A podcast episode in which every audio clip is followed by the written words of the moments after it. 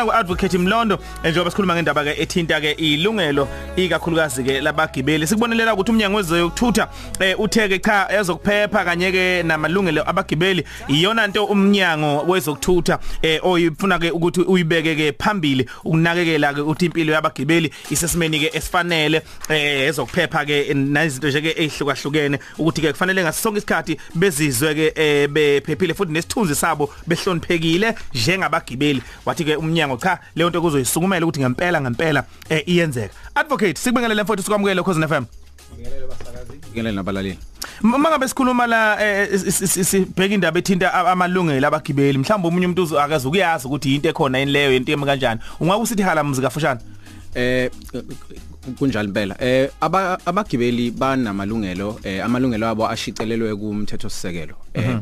Ilungelo lokuthi uphatheke njenge ngesiqi sobuntu eh, njengomgibeli.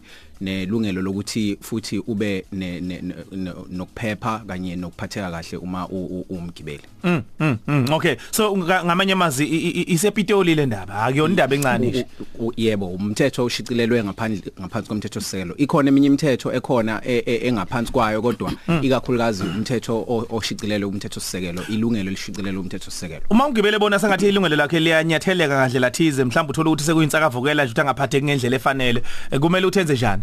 Eh esikhathini eziningi eh abahlinzeki be be be be transport eh ba ba iloko kubizwa ngama service providers ba abahlinzeki bama services so kuyaye kufanele nabo babe nomhlahlandlela ukuthi abagibeli complaina kanjani bakwazi kanjani ukuthi uma benganelisekile ngento mm. babika kubani eh ngizokwenza isibonelo njengamatekisi eh amatekisi khona i iSantaco eh okwazi khona ukuthi uma kuwukuthi uzithole ungaphatheki kahle useteksini ngabe ugibele eh eteksini enom eh ngabe ugibele etaxini yomuntu ongaphathanga kahle uyakwazi ukuthi umbike kwi Santaco nasezitimeleni kanjalo kuno Prasa uyakwazi ukuthi ureport ku Prasa kunezindlela zokuthi ucomplain ukwazi ukuthi ubike ukuthi angiphathekanga kahle ngokuthi nokuthi nokuthi.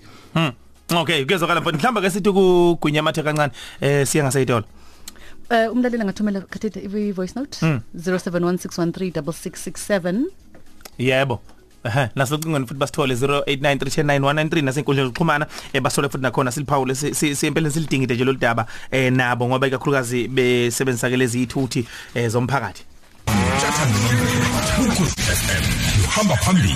Uh, sisinongcebo ninobhuti untshata ngiyabingelela igama ngingusiyalo wa uthandwa yimi wakazwane ekhayise Friday nansi ke indaba esihle siyibanga nabashayeli ngifuna ukwazi ukuthi ngabe kuyilungelo yini likamgibeli ukuthi uma egibele ekhunjini afike abale imali. La kungigibela ngahlala phambili kuyilungelo lami ukuthi ngibala imali noma uyilungelo likamgibeli? Ngoba ngicina impela senihilizisana lapha nomshayeli uma uke wamtshena ukuthi mina mfowethu imali yakho ngeke ngize ngiyibale uzoyibalela. Ngicina impela nomshayeli ningasezwani kahle. Ngabe leyo nto leyo kuumthetho yini ukuthi imali ibalwe ngumgibeli osuke egibele ngaleso sikhathi? Ngiyabonga kuthandwa imusiyalo wakazwane Friday hey sanibonani nokhosini bhutintshatha Ebhuno sisinoncebo naze nayithinta into enkulu. Yabona mina ngumgibeli ngigibela amabhasi akabiyela asuka eMelmoth eza empangeni ama ibiyela transport. Hey mfethu ngiyahlukumezeka mina. Kunobaba oshayela ibhasi i234 okwakuyi209 esuka eMelmoth ize empangeni. Lo baba lona mfethu wayengeshela shuthi ngangamqoma lo baba lona andimdala kunami ubaba mfethu. Yazi wentshathi into eseyenza manje wenze njani? Usevele uthi mayengibona ngemestopini adlulisa ibhasi angishiye ngebhasi. Or uma engibona estopini ibhasi iyoze ime kude nakhona imele ukuthi khona abantu abehlayo. Uma ngigibela ngiphethe ushintshi mfowethu uma nginemali edinga ushintshi uzonginikeza ama 10 cent wodwa uyezwa?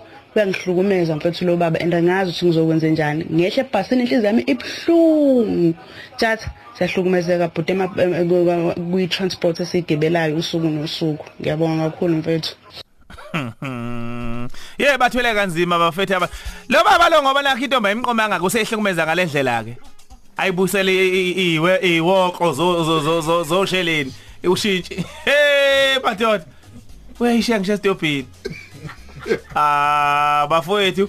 Hayi hayi hayi hayi hayi ngeke. A- awuthi ke sibheka ama eh, incingo lapha ukuthi mhlambe siyabathola nabanye 0893109193 ukhoza FM sabona Usekhoza nisabona Yebo ngoba. mfowethu kunjani? Yebo bhuti ukhuluma noSibanda kamagwaza lapha eshowenxumane. yengwayo Futhi thina lapha ya ezimeleni lento ekuthiwa malungelo sizwa ngephunga nje gcina ubizwa ngendaba. Asiyazi akasazi singayibona ukuthi into enjani. Isitimela sima nabantu 2 hours simile angazi noma hours. lonto into right yini ujahe emsebenzini.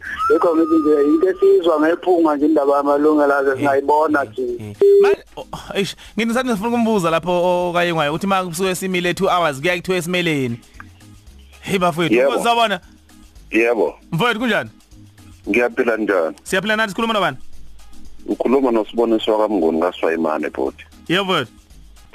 Eh, cha thina abantu asinenkinga uthola ukuthi sibe strivela abantu abangenama license uthola ukuthi namakhumbi. Eh hey yabona nje khona ikhumbi ngelinye ilanga ngangayigibela ukuthi umfana akayijahela ukuthi kube njani abagibeli ngoba bemkhuza engafuni ukuzwa. And i- i- iyinkinga leyo nto and ibhlungu kakhulu because isikhathi esiningi labantu abasuke kuyibona abadrivayo uvetana ube ungabi ilutho ubona Hmm. umuntu akushile nanokuthi khumbi eyakubo awunalutho wena. So manje ngiye ngifise nje ukuthi labantu ekuthiwa uhlokomela engathi beke befike nala kulo masipala wasemshwathi. Nje labo association bangala ngakithi bethu ukubheka izimo ezikanjalo ngiyabonga. Alright baba. Eh advocate. Naba bantu fethu i- indaba abayibekile eh ng- ngekhala zabanazo bebona ukuthi amalungelo abo ngasengathi ayanyatheleka Em eh ngiyabonga chat. Em okuqala ilo lo obekhuluma ngoku- ngokubala imali. Eh ng- ngizokubeka kucaca ukuthi alikho akukho umthetho othi umuntu uma egibele e- e- e- etaxini ehleli ngaphambili kufanele abale imali. Uma kuwukuthi ubala imali usuke ekhethe ngokwakhe ukuthi asisize udriver ngemali and udriver kufanele ayithobe ngalokho ngoba usuke emsiza ngokuthi abale imali. Unalo ilungelo lokunqaba ukuthi angayibali imali. So njengamanje nje ungathola khona sebemhline lethi ngicela ubala imali mfowethu a- a- a- a- a- kukho umthetho omphoqayo ukuthi abali imali Nga- kahle kahle usuke esiza umshayeli umshayeli kufanele abonge ngalokho noma kube khona am- am- am- ambonga ngakho. Kodwa umshayeli kufanele abe nomuntu okhona madam. oseceleni omsizayo ombalela imali. Njengoba sawaba sengathi impoqo nje. Ak- akusiyi impoqo. Hawo okwesibili lo obekhala ngokuthi akavumelananga eh no driver ngalokho driver ayekudinga. Eh unelungelo lokuthi athole ukuthi ibhasi lelo li elakuphi eh li li, li own ubani Njengoba selimthela ngentuli nje manje. Ayireport leyo nto leyo and leyo nto leyo ingabhekeleka kuleyo nkampani ukuthi ngoba lo driver lo akanalungelo lokuthi enze njalo. Njengoba e- e- ngemva kwesteering u- u- u- u- ukhumlile isigqoko sakhe ugqoke isigqoko somqashi wakhe ukuthi eh, abeke ngaphambili amalungelo abagibeli. Eh o- okwasesitimeleni eh ng- ng- ngiyakwazi ngokuthi ng- ngizwe em eh, la eSouth Africa ukuthi itimela uPrasa ungaphansi kohlelo lokuthi ushintshe indlela anikeza ngayo iservice abagibeli. Angazi ukuthi isizathu yini ukuthi sime u2 hours kodwa ngokomthetho itimela kufanele zihambe ngesikhathi esithile. And uma kuwukuthi azizukuhamba ngesikhathi umgibeli unelungelo lokuthi aziswe.